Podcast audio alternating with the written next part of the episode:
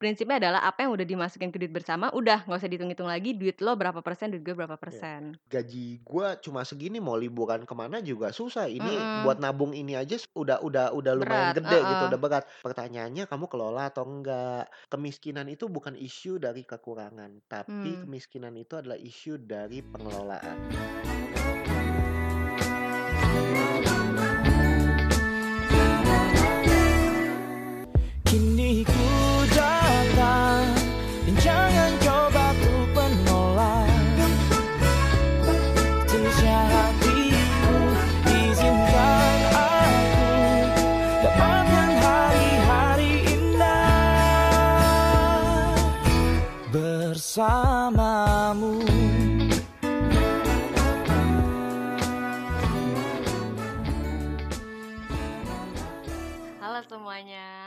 Balik lagi di podcast Kita, yaitu Mars. Venus. Ya, thank you buat responnya di podcast kemarin ya, Beb. Mhm, bener, Jadi salah satu podcast yang tercepat menggait pendengar di antara semuanya. cepet banget sih. Cepet Dan banget. ternyata orang-orang cukup antusias kalau ngomongin soal duit ya. Iya, kayaknya kalau duit itu sesuatu yang pasti didengar dan jadi concern banyak orang juga mungkin. Iya, ya semoga itu bisa membantu buat yang mendengarkan. Mhm, thank you juga buat, eee, beberapa teman-teman yang kasih respon kayak DM, eee, WA langsung ke Mhm. kita. Happy banget denger respon teman-teman semua. So hopefully kalau ada kritik, saran, atau ada hal-hal yang teman-teman mau coba diskusikan, boleh banget langsung kontak. Kita more than happy terima semua respon-respon dari teman-teman. Ya, betul sekali. Podcast eh ini by the way nggak terlalu lama sebenarnya ya? Ini seminggu nggak sih? Iya, Setelah seminggu. podcast kita sebelumnya ya? Heeh heeh. Ya karena kita mau pergi. Jadi, Bikin eee, sekarang. bikin sekarang dulu karena kemungkinan minggu depan kita nggak bisa nggak bisa ngerjain podcast Iya. sama sekali ya, karena kesibukan dan kita mau ada rencana pergi juga dan ya here we are, Mhm. eee, lanjutin podcast kemarin. Iya, Lanjut nih, Beb? lanjut. Lanjut. Ya. Kalau kemarin kita udah bahas soal mengatur duit waktu lagi pacaran ya.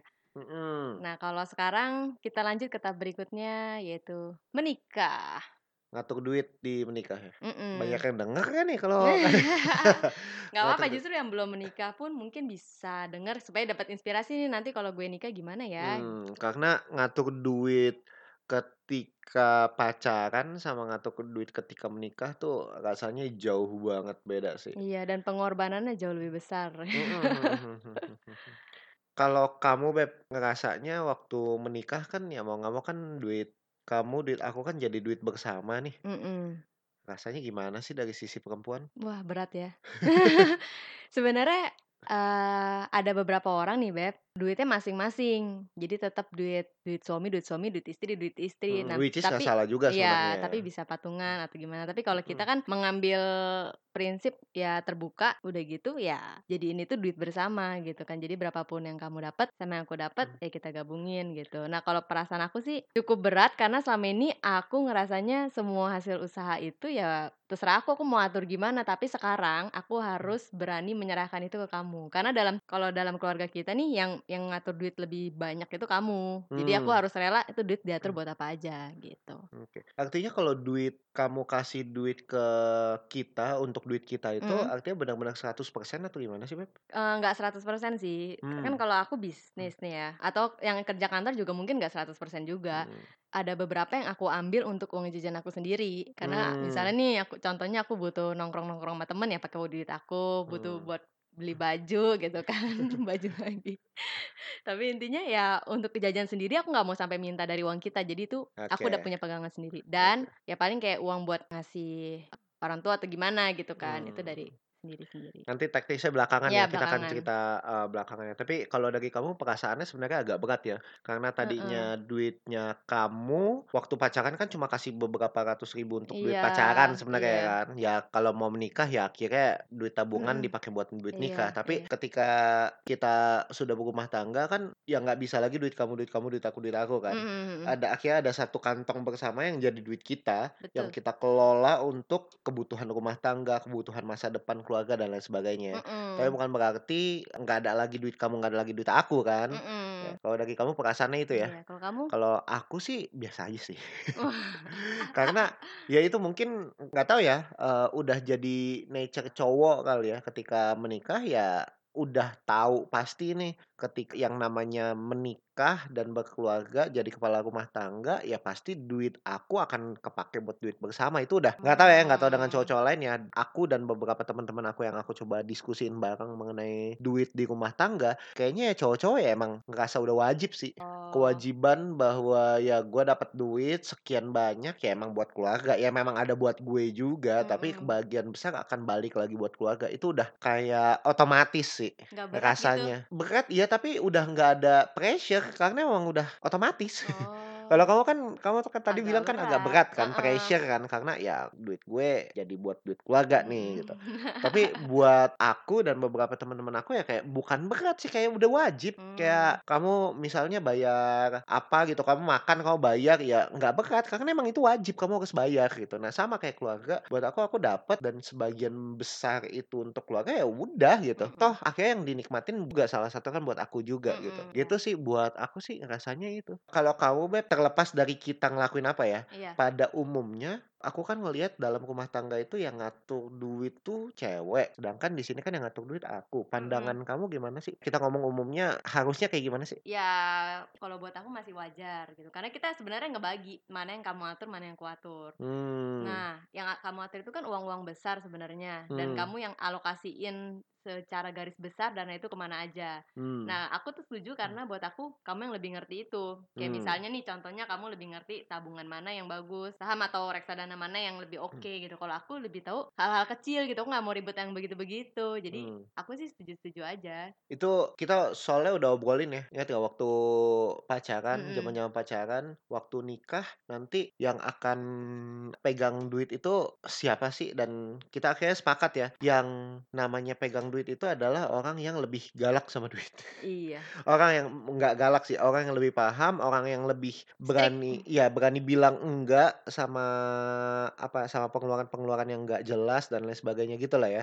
Nah, Mhm. akhirnya sepakat duit besar artinya pengelolaan keseluruhan keuangan itu, eee, aku yang pegang, Mhm. sedangkan pengelolaan kecil ibaratnya kayak rumah tangga, belanja sehari-hari dan lain sebagainya itu kamu yang pegang. Mhm. Betul ya? Karena aku yang Mmm. lebih sering belanja. Bisa jadi sih. Itu ya? Iya. Jadi kurang lebih secara simpel yang kelihatannya mudah Sebenarnya adalah nggak harus cowok sih, yang betul betul. siapa yang Justru aku beberapa kali juga tahu teman-teman aku yang pegang duit yang ceweknya, karena yang lebih strict dan lebih paham itu mengenai peng mengenai pengelolaan keuangan besar itu ceweknya. Tapi Betul. ceweknya juga yang pegang pengelolaan kecil. Jadi cowoknya Oh. taunya ya udah gue cari duit, ya ada aja Iya iya gitu. iya Yang nggak iya. ada yang salah dengan itu. Cuma buat, eee, aku dan buat kita ya, yang pegang duit siapa sih? Ya tergantung, pegang duit gede atau pegang duit kecil. Pegang duit kecil kan yang sehari-hari tuh, yang sehari-hari adalah yang paling sering sebenarnya. Mhm. Yang paling tahu nih sehari-hari keluarin apa, eee, bakal biayain apa aja kayak asisten rumah tangga dan lain sebagainya. Itu siapa tuh yang Mhm. lebih sering ketemu dan akan ngebayarin itu? Kalau di sisi kita ya kamu. Jadi Mhm. makanya kamu yang pegang duit kecil. Duit besar adalah pengelolaan ke depan nih. Nanti, Iya. eee, kalau misalnya rumah direnov nih duitnya mau tabungnya di mana ya? Terus kalau Mhm. nanti kita punya anak duitnya tabungnya di mana ya? Nanti Mhm. kalau ada apa-apa duit gede, eee, simpennya di mana ya? Yang kayak gitu-gitu sih. Iya. Nah kalau itu kan aku yang lebih paham karena aku Mmm. belajar, dan ya udah aku yang pegang kan, Mhm. kesepakatannya di situ. Nah, buat teman-teman yang mungkin masih dalam jenjang mau ke pernikahan dan lain sebagainya, mungkin bisa jadi sarana untuk ngobrol ya. Mhm. Eee, beda banget sih be pegang duit ketika pacaran sama pegang duit ketika menikah itu beda banget. Makanya Betul. hal pertama yang mungkin bisa diobrolin adalah, nih ketika menikah nih duit mau gimana? Mau sendiri-sendiri, artinya duit lo duit lo, duit gue duit gue, ketika ada sesuatu patungan Mhm. ya, atau apa, adain duit bersama, duit keluarga. Kalau kita bilangnya itu duit keluarga ya, duit keluarga nih. Iya. Nah, ketika ada duit keluarga, artinya ada kerelaan antara laki-laki, dari pihak laki-laki yang ngasih ke duit keluarga, bukan 100% gaji loh, nanti kita akan bahas setelah ini. Eee, ada dari pihak laki-laki ngasih duit buat duit keluarga, dan ada dari pihak perempuan, kalau perempuannya bekerja, itu juga kasih duit buat duit keluarga. Nah, Mhm. duit keluarga ini yang dikelola untuk masa depan keluarga. Nah, duit keluarga ini yang kita bilang sebagai duit besar. Nah, Mhm. duit besar ini siapa yang pegang nih? Kalau di pihak kita ya aku yang pegang. Duit kecil adalah duit yang sehari-hari yang kita sebut sebagai housing ya. Iya. Duit housing. Duit housing tuh ya, eee, pengeluaran Keperluan rumah rumah. sehari-hari. Nah, itu kita bilang sebagai duit kecil. Nah, itu Teca yang pegang. Iya, Gitu. begitu. Betul. Ada opsi terakhir sih. Apa? Duit suami duit bersama, duit istri duit istri. Kurang ajar. Itu sih, itu yang paling pertama dulu deh, soalnya pendengar kita banyak yang belum nikah sebenarnya. Iya. Jadi kalau buat teman-teman yang masih dalam pacaran atau mau jenjang menikah, mungkin itu hal yang perlu diobrolin dulu sebelum masuk ke jenjang pernikahan. Karena iya. kita ngerasa banget ya, eee, karena kita ngobrolin itu di awal, pas menikah jauh lebih mudah dan lebih legowo bahwa duit besar aku yang pegang, Mhm. misalnya duit kecil ya udah kamu kelola dan lain sebagainya gitu. Iya, betul betul. Jadi pas nikah pun nggak kaget, baru awal nikah nggak ribut soal duit. Betul. Karena kita juga prinsipnya dari awal kita buka semua mengenai keuangan ya. Iya. Jadi duit aku sisanya berapa, duit Teca sisanya berapa, itu benar-benar kita tahu semuanya, Mhm mhm. gitu. Dan kita semua satu sama lain sama-sama tahu nih, Mmm. pasangan kita punya tabungan di mana aja. Awal-awal nikah kan, eee, mungkin ada masih ada yang belum kita omongin ya, tapi di Mmm. situ kita langsung obrolin. Kita masih ada di mana aja dan jadi dihitung bener-bener duit keseluruhan kita tuh sekarang berapa sih, gitu. Mmm. Nah, ini juga apa ya, prinsip sih. Kalau yang namanya menikah ya 2 jadi 1 ya nggak ada lagi yang dibohongin sih atau nggak ada lagi yang ditutup-tutupin menurut Mhm. aku. Makanya kemarin kan di podcast kemarin kita ngobrolin soal hutang. Karena menikah ya hutang istri atau hutang suami udah jadi hutang bersama loh. Karena apa? Karena uang yang, eee, yang kita dapatkan itu jadi duit bersama.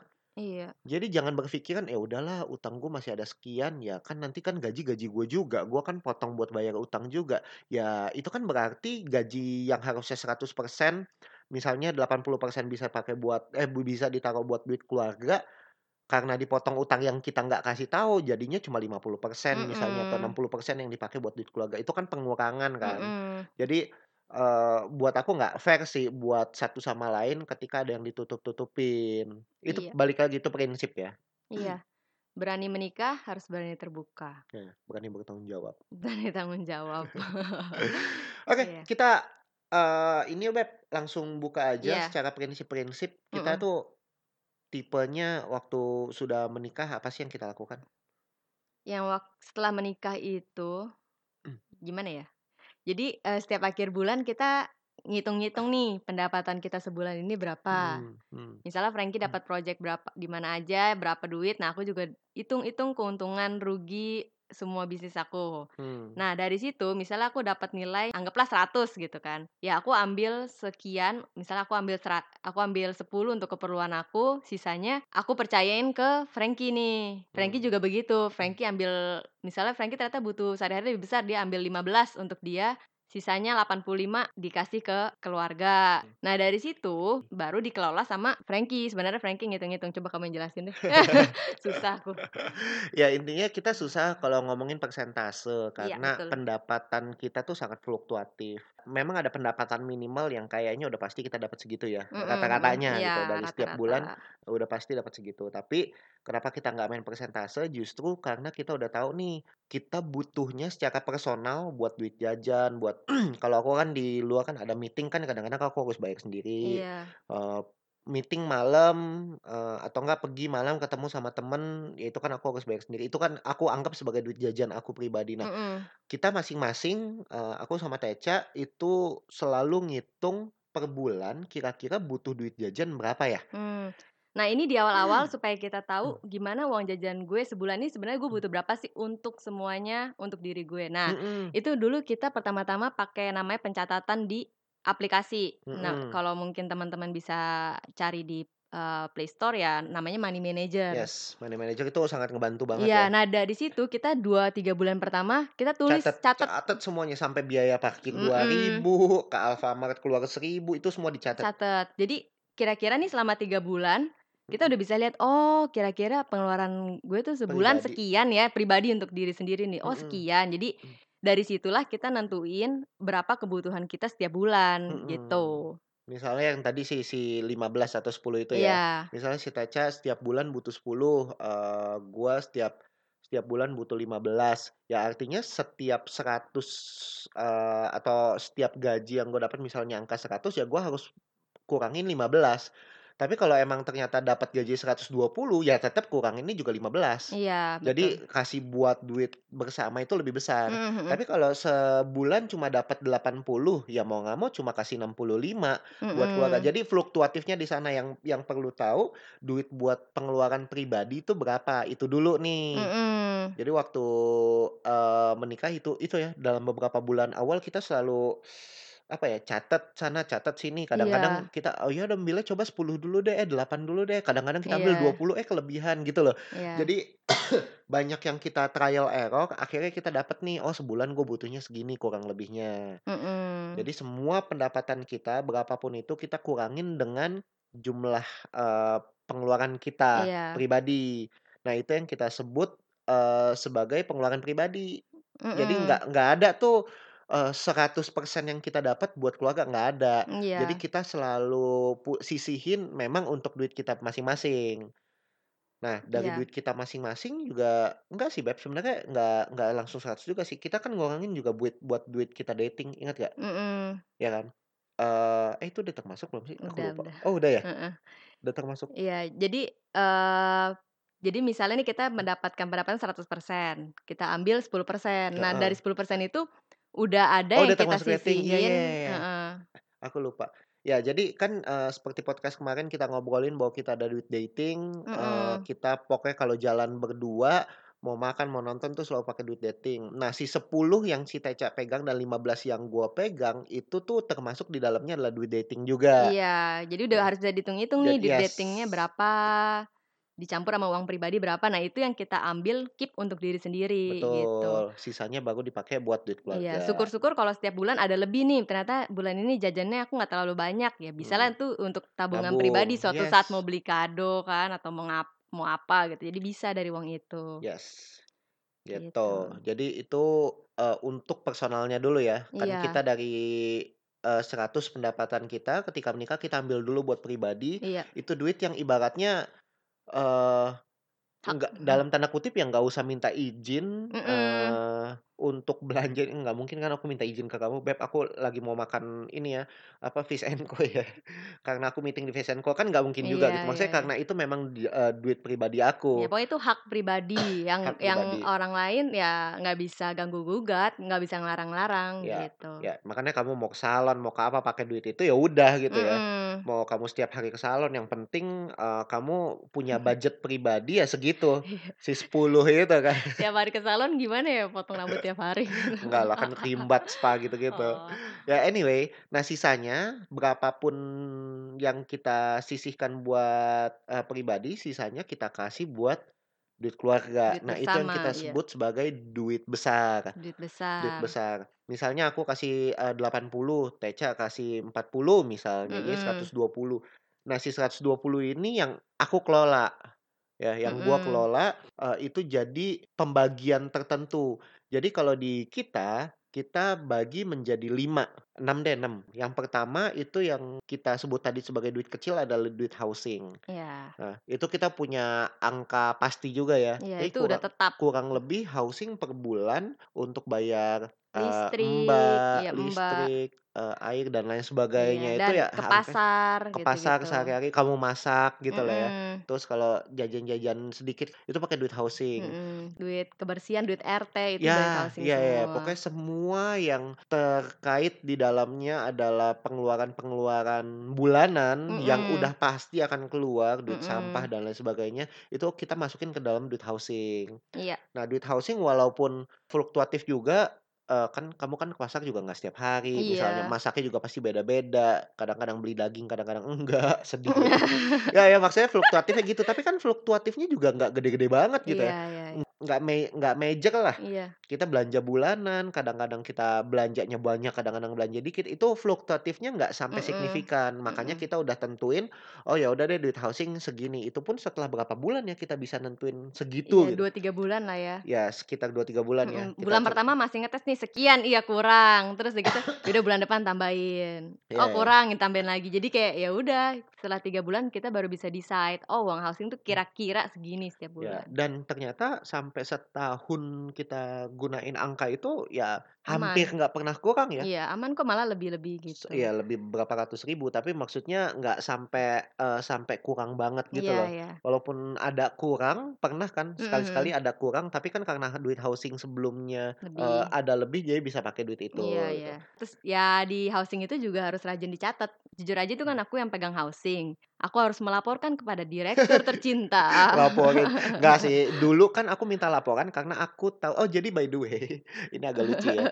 Jadi di bulan pertama sampai bulan ketiga aku selalu minta laporan, eee, misalnya kasihnya 15 atau 20 gitu untuk duit housing, "Tolong dong laporin sebulan ini kamu pakai duit housing tuh buat apa ya?" Nggak usah sampai ke pasar beli wortel sekian, nggak usah gitu. Maksudnya sekali ke pasar berapa, Mhm. hari ini ke pasar berapa, lusa ke pasar berapa, nggak usah detail-detailnya, cuma pengen tahu at the end itu butuhnya berapa sih. Nah aku lihat konsistensi 3 bulan, supaya kita jadi tahu nih, oh rata-rata duit housing butuhnya sekian. Nah itu kan akhirnya jadi bisa decide iya kan, iya iya jadi iya. bisa ngambil keputusan duit housing kita ya udah deh tiap bulan kita kasih sekian, Mhm karena mhm. ada datanya. Cih ngomongin data. Data.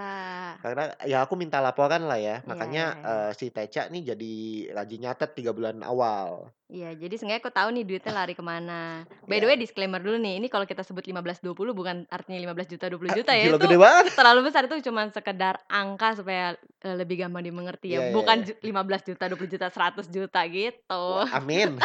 Amin. Amin, duit housing lima belas Oh juta iya setiap bulan, gila, gila buat apaan aja cuy. Gitu Ya, so anyway itu yang pertama, yang kita sisihkan dari duit keluarga, si 100% duit keluarga ini, persentase pertama kita pakai untuk, eee, housing. Iya, itu udah disisihkan paling pertama. Disisihkan Kalau pertama. duitnya ba masih lebih lagi, baru lanjut ke tabungan Betul selanjutnya. betul.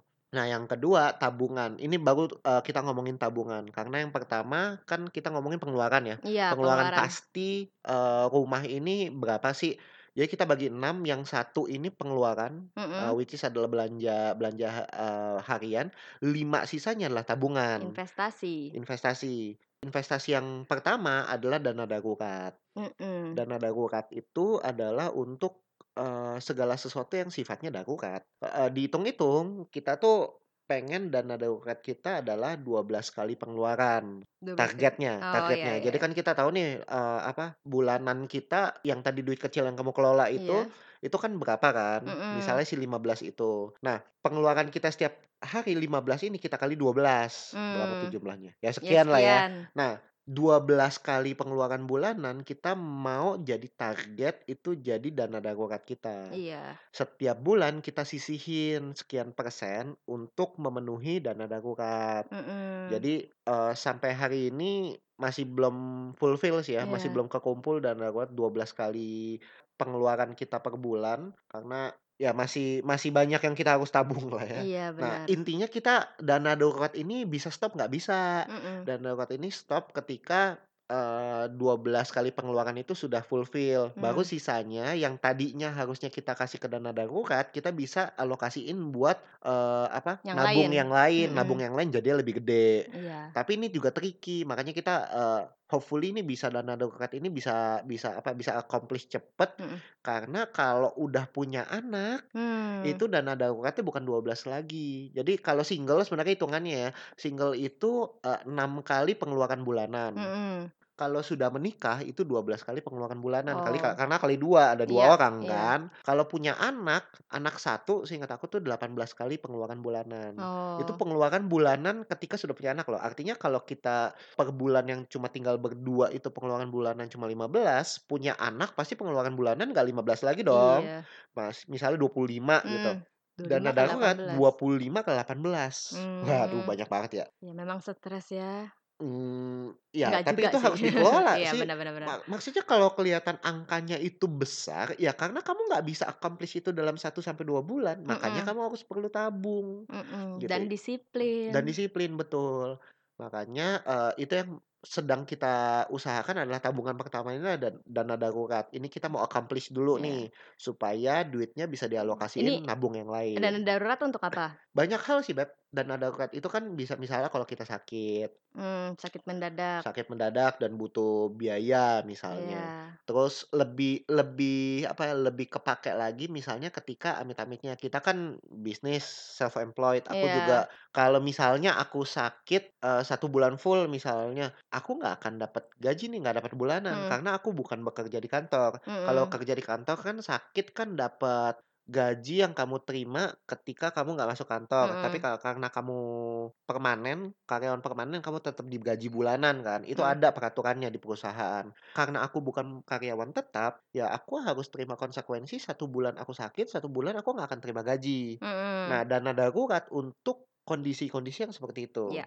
gitu. Sakit, terus ada ada ada kebutuhan mendadak, Iya. misalnya amit-amitnya, eee, orang tua sakit atau, eee, saudara kita lagi bener-bener butuh banget sesuatu yang kita pakai bukan tabungan kita. Itu Mhm. karena kondisinya sangat darurat, ya pakainya duit dana darurat, gitu. Oke. Jadi itu yang pertama. Jadi kan tadi ada 6, yang pertama kita pakai buat pengeluaran, 5 lagi kita pakai buat investasi. Iya. Ya investasi pertama kan dana darurat. Mhm. Investasi kedua adalah dana anak, Dana anak. walaupun kita belum punya anak. Jadi dana anak ini, eee, justru kita mau siapin karena ya ini bukan rocket science sih, yang namanya punya anak itu mahal. Itu bukan rocket science. Jadi aku pernah dengar yang kita pernah dengar juga ya pembicaraan atau sharing, punya anak adalah satu hal yang pasti kalau kita punya anak hari ini, 6 tahun kemudian dia akan masuk SD. Ngerti Iyalah. nggak? Itu itu bukan sesuatu yang mengagetkan. Mhm. Anak misalnya masuk SD itu bukan sesuatu yang mengagetkan.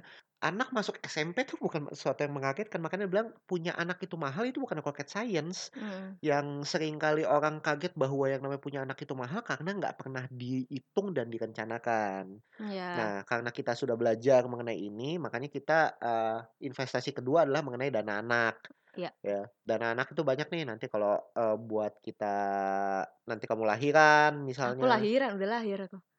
Eee, iya ya, Aku kamu melahirkan. melahirkan.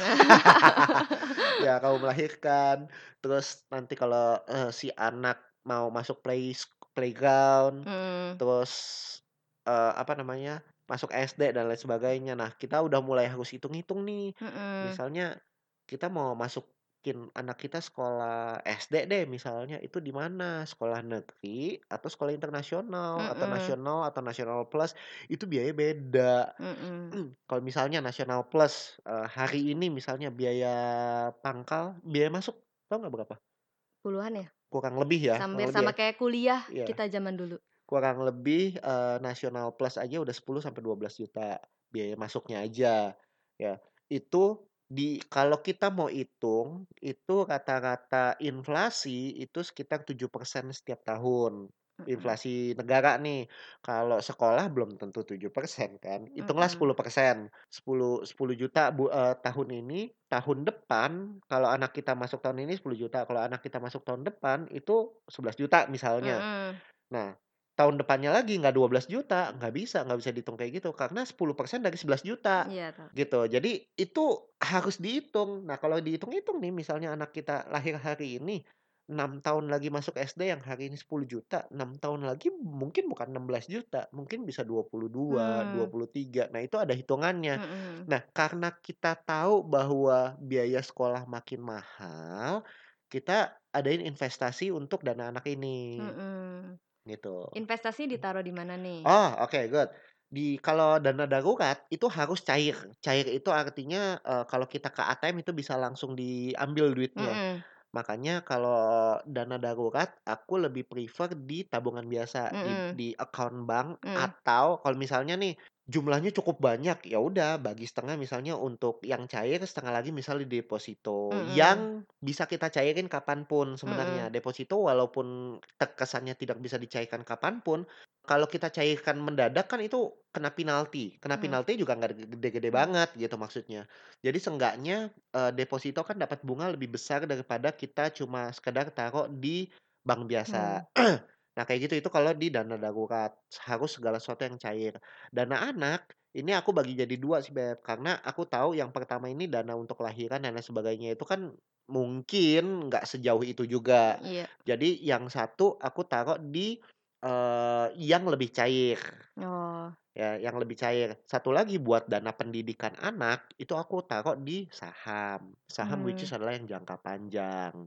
Itu untuk dana anak. Kamu ini kan ya waktu kita diskusi ini kan kamu lihat-lihat semuanya Iya kan ya. iya. Jadi nggak semuanya semerta-merta aku cuma sekedar ngerjain sendiri gitu. Mhm, ya kita diskusiin ini juga sih. Jadi emang Franky yang lebih mikirin, tapi dia pun minta persetujuan aku, Mmm. gitu. Dan aku setuju sama apa yang dia hitung-hitung itu. Terus yang itu kan tadi pertama, investasi pertama dana darurat, investasi kedua adalah dana anak, investasi ketiga adalah yang kita suka bersama. Dana liburan. Dana liburan. Jadi kita liburan itu selalu kita budget. Yap. Jadi setiap kali pendapatan tadi bela eee, apa, dana besar itu beberapa persen kita selalu taruh di dana Liburan. liburan. Berapa pun itu kita taruh dulu nih. Jadi kalau misalnya tahun ini kita mau liburan ke mana, kita obrolin di awal, mau liburan ke mana nih, eee, kita punya budget kurang lebih sekian, mau liburan ke Mhm. mana, mau dalam negeri, luar negeri, eee, itu sesuaiin dengan budget. Makanya kalau kita liburan ke mana itu pasti karena kita sudah budgetin.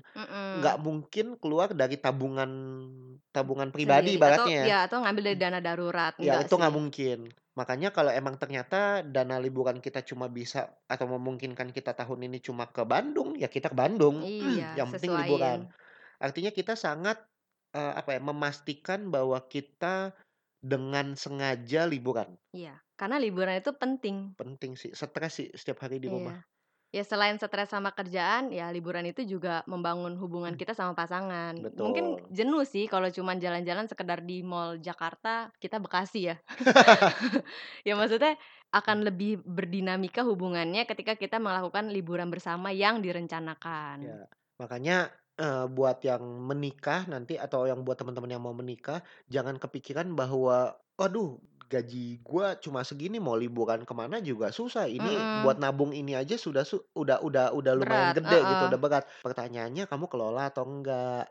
Kalau emang buat kamu liburan atau hubungan itu penting, ya kamu harus bisa budgetin. Iya. Even though nggak harus yang jauh-jauh loh.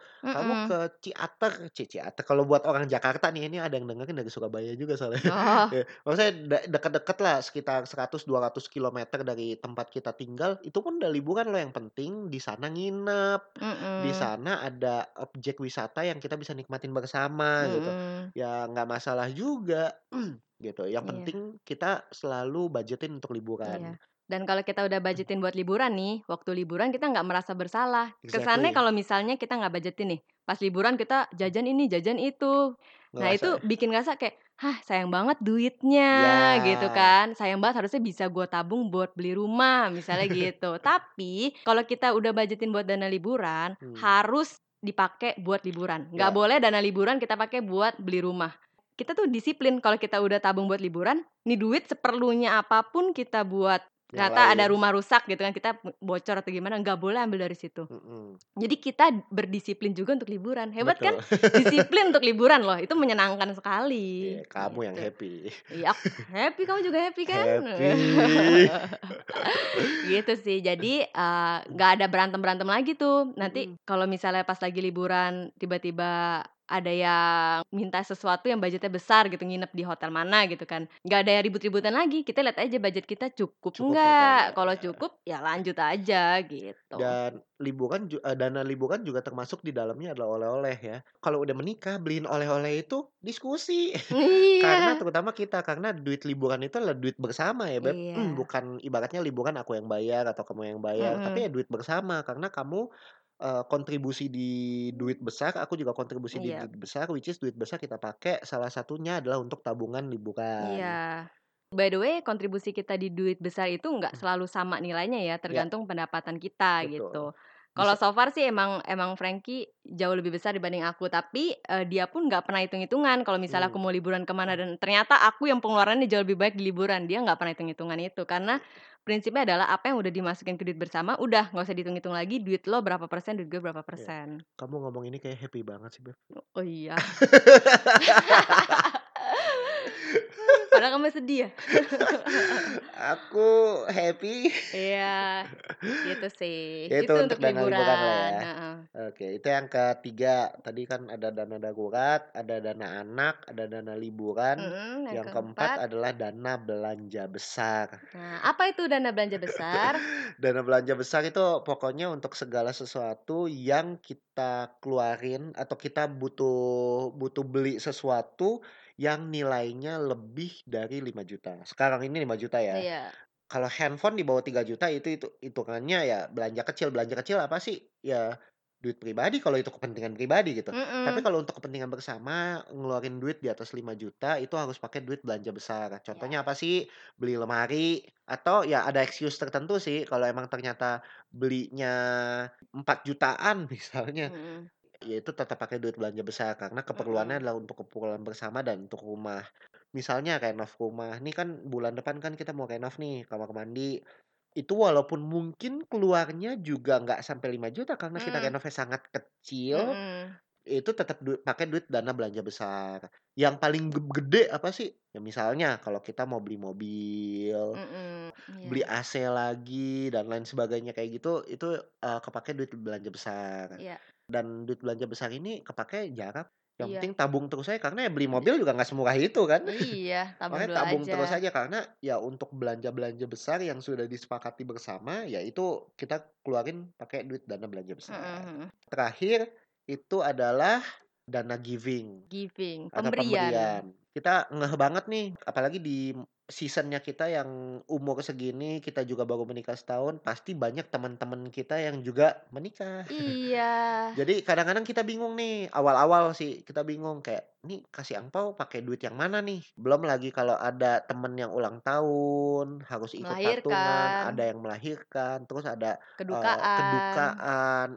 Nggak jarang ya Beb, maksudnya setiap Sering. bulan pasti ada aja Mhm. Gitu. Ya jadi yang kita kasih adalah ya dari duit giving. Betul. Nah mau nggak mau setiap bulan kita harus taruh dana fresh di situ. Karena ya kalau misalnya ada yang nikahan kasih angpau, itu kan harus dana fresh kan, Mhm harus, mhm mhm. eee, cash.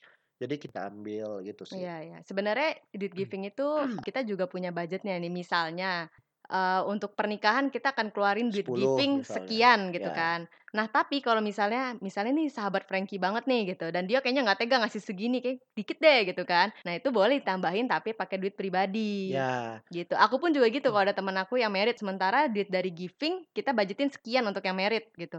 Ya aku harus tambahin sendiri. Begitu sih. Jadi, eee, biar sama-sama Fair. adil, ya fair, terus juga nggak memberatkan sebenarnya kayak, "Wah kok banyak banget ya gua harus keluar hari ini buat Hmm. buat bulan ini temen gue ada 5 nih nikah sementara Franky cuman 1." Kan berat di aku kan, karena ibaratnya teman Franky udah tua nih contohnya.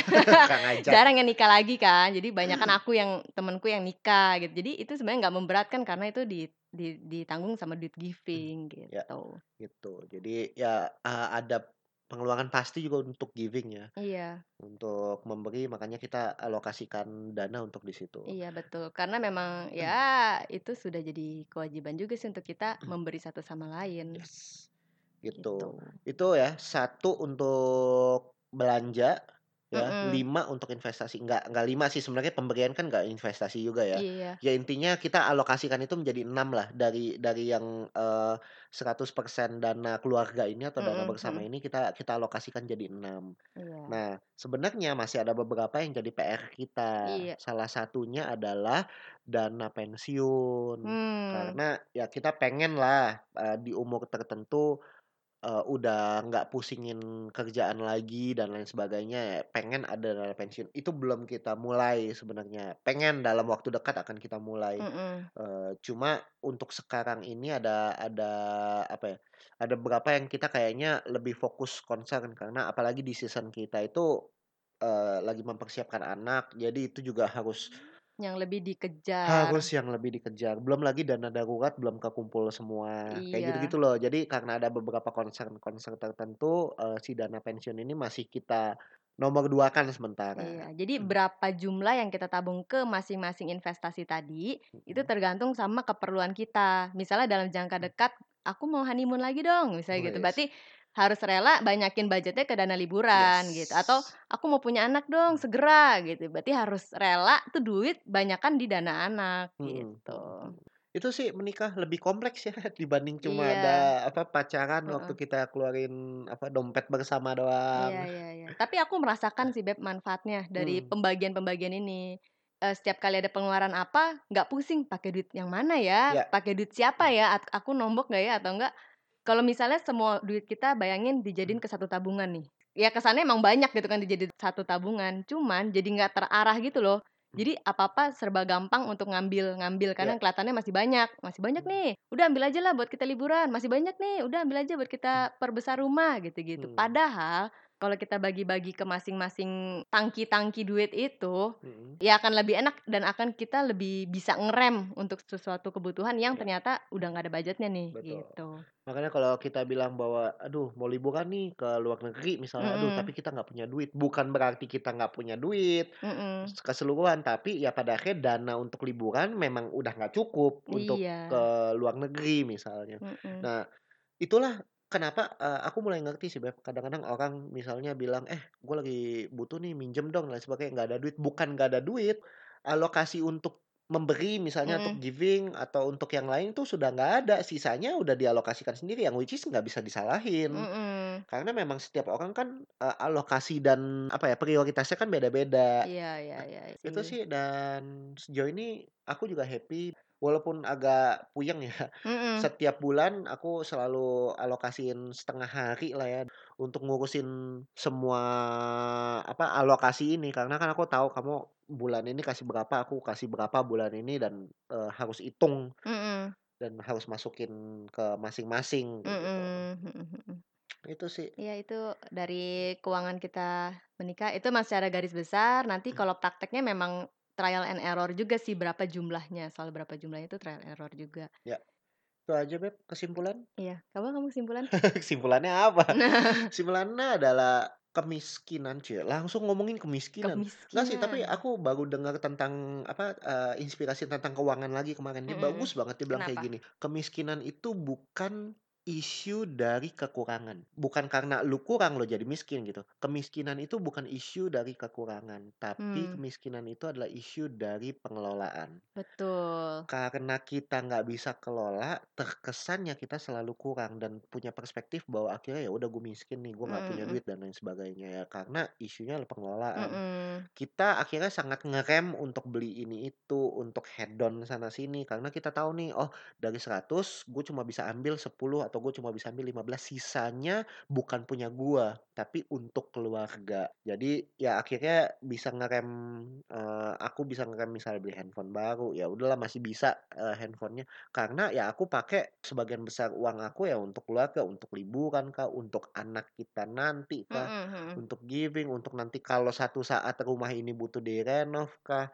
kalau misalnya, oh di atas, eee, TV udah rusak dan harus beli TV dan lain sebagainya. Aku gunain sebagian besar uang aku ya untuk dikelola untuk masa depan atau untuk rumah atau untuk Mhm keluarga mhm. gitu, instead of untuk kebutuhan aku pribadi. Mmm. Dari kamu? Kalau dari Hmm. aku sih percayalah kalau udah menikah nggak ada kata nggak cukup duitnya. Hmm. Yang ada hanyalah kurang baik dalam mengelolanya, gitu doang sih. Sebenarnya semua cukup asal kita bisa mengelolanya dengan baik. Seberapa pun gaji yang kita dapat, Ya. semuanya cukup Ya. asal dikelola dengan baik. Betul. Dan satu lagi prinsip yang penting dalam keuangan keluarga ini adalah karena kita sudah dua menjadi satu, jadi nggak ada lagi duit-duit yang disimpan buat diri sendiri tanpa pasangan kita tahu. Kita ini membangun membangun rumah tangga gitu. Kalau misalnya kita masih kayak nilep-nilep duit sedikit, yang suami gue nggak tahu nih duit jaga-jaga gitu kan. Sesuatu yang pasangan kita nggak tahu dan sesuatu yang kita bohong gitu. Nggak Hmm. kita nggak mau terbuka soal itu. Gimana mau mau bertumbuh rumah tangganya karena kita kayak korupsi duit gitu loh. Kayak Hmm. sama kayak negara-negara nggak akan bisa bertumbuh kalau banyak yang korupsi kan. Nah, Sadis. rumah tangga juga gitu meskipun cuma berdua, kalau salah satu korupsi, ya itu ibaratnya rumah tangga kalian nggak akan jadi rumah tangga yang maju Hmm. gitu. Jadi keterbukaan dan kejujuran adalah hal yang mendasar dari keuangan dalam keluarga. Ya. Oh, thank you Beb Thank untuk you juga. Beb. Aus nggak nih? Lumayan. Iya, sama cari es buah. Cari es buah. Oke. Pakai duit apa nih? Pakai duit kita dating. kamu aja. Oke, thank you for oke. listening, eee, hopefully ini bisa kasih inspirasi nggak cuma sekedar buat mereka yang mau menikah atau yang sudah menikah, tapi justru buat kalian yang masih pacaran atau yang belum pacaran ini juga bisa jadi, eee, salah satu inspirasi ya bahwa pa nanti teman-teman pacaran atau ketika menikah itu adalah 2 hal yang berbeda. Mhm. Jadi siapkan diri, eee, pastikan bahwa kalau kata salah satu guru aku, cie, dia bilang Mhm. gini, "Frank lo mendingan belajar supaya lo nggak bego-bego banget." Mhm, betul. Kita Dan pun masih terus sih, belajar. iya, dan Heeh. aku setuju sih karena walaupun pengelolaan kita sudah segininya juga masih ada aja yang Iya, kayak celah-celahnya. celahnya atau kurangnya Iya. gitu lah ya. Oke, Oke. thank you, please, eee, comment and share sebanyak mungkin supaya lebih banyak orang bisa dapat inspirasi dan belajar sesuatu. Iya. Thank Thank you. you for listening. Bye-bye. Bye.